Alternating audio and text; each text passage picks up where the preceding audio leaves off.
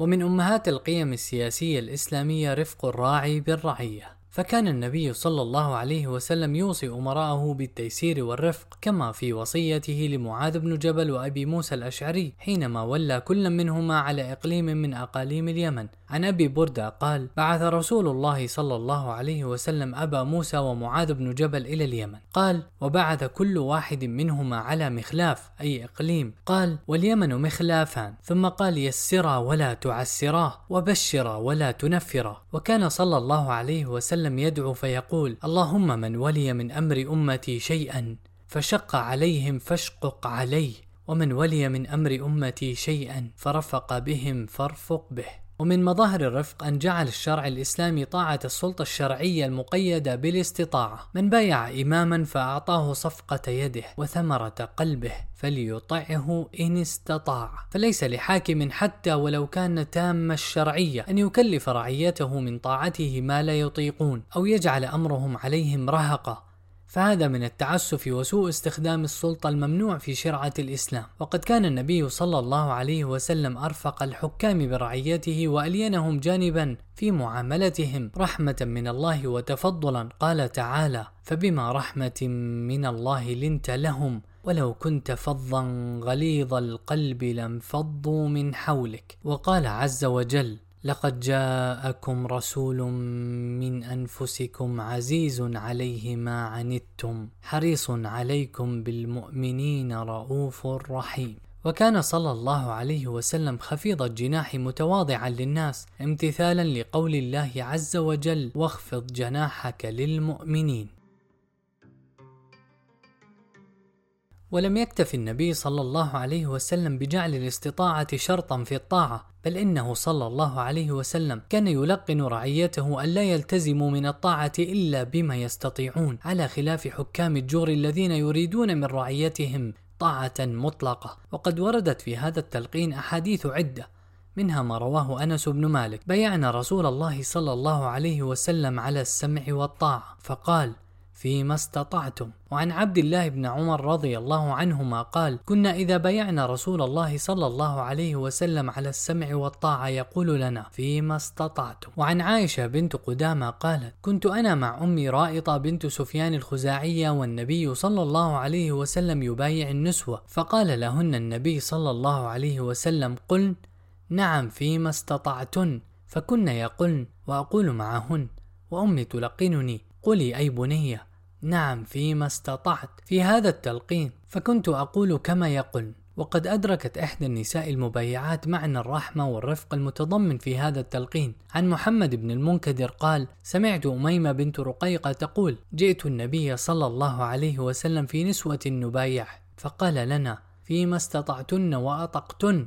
فقلت الله ورسوله أرحم بنا منا بأنفسنا. وقد أصر عدد من أصحاب رسول الله صلى الله عليه وسلم على تذكير أمراء الجور الذين عاصروهم في بداية العهد الأموي بمعاني الرفق بالرعية وبتشديد الشرع على من شق على رعيته أو تعسف في قيادتها. فقد ورد أن عائذ بن عمرو وكان من أصحاب رسول الله صلى الله عليه وسلم دخل على عبيد الله بن زياد فقال أي بني إني سمعت رسول الله صلى الله عليه وسلم يقول إن شر الرعاء الحطمة فإياك أن تكون منهم. قال الصنعاني في شرح هذا الحديث الرعاء جمع راع الحطمة هو العنيف برعاية الإبل. ضربه صلى الله عليه وسلم مثلا لولاة السوء ومن ذلك حديث الرفق بالرعية المتقدم الذي أخبر به معقل بن يسار في مرضه عبيد الله بن زياد. وقد استلهم فقهاء السياسة الشرعية هذه المعاني النبوية فكتبوا يحضون الولاة على الرفق برعيتهم مسلمها وغير مسلمها.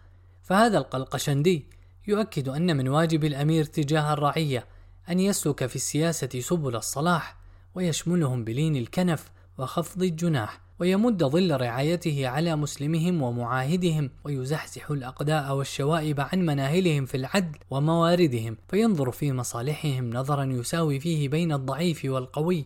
ويقوم بأودهم قياما يهتدي به ويهديهم فيه إلى الصراط السوي. وبين الماوردي المعاني الشرعية والحكم العملية وراء ذلك. ومنها القيام بأمر الله وامتلاك قلوب الناس. فحض الأمير على أن يحسن إلى رعيته إحسان من يؤدي حق الله فيهم. ويملك به خالصة قلوبهم. فإنه إن قدر على ملكة أجسادهم بسلطانه فليس يقدر على ملكة قلوبهم إلا بإحسانه.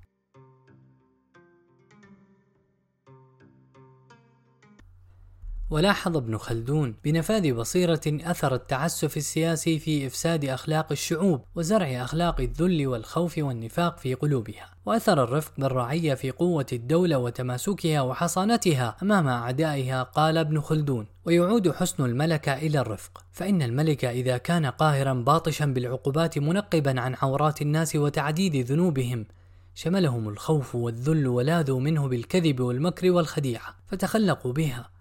وفسدت بصائرهم وأخلاقهم وربما خذلوه في مواطن الحروب والمدافعات ففسدت الحماية بفساد النيات وربما أجمعوا على قتله لذلك فتفسد الدولة ويخرب السياج وإن دام أمره عليهم وقهره فسدت العصبية لما قلناه أولا وفسد السياج من أصله بالعز عن الحماية وإذا كان رفيقا بهم متجاوزا عن سيئاتهم استناموا إليه ولاذوا به وأشربوا محبته واستماتوا دونه في محاربة أعدائه فاستقام الأمر من كل جانب.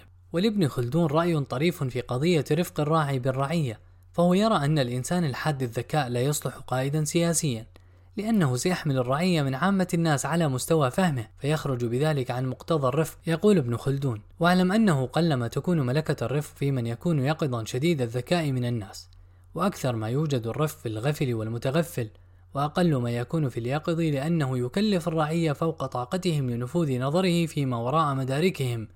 وهذه مبالغة من ابن خلدون تدل على الواقعية المفرطة في تفكيره السياسي.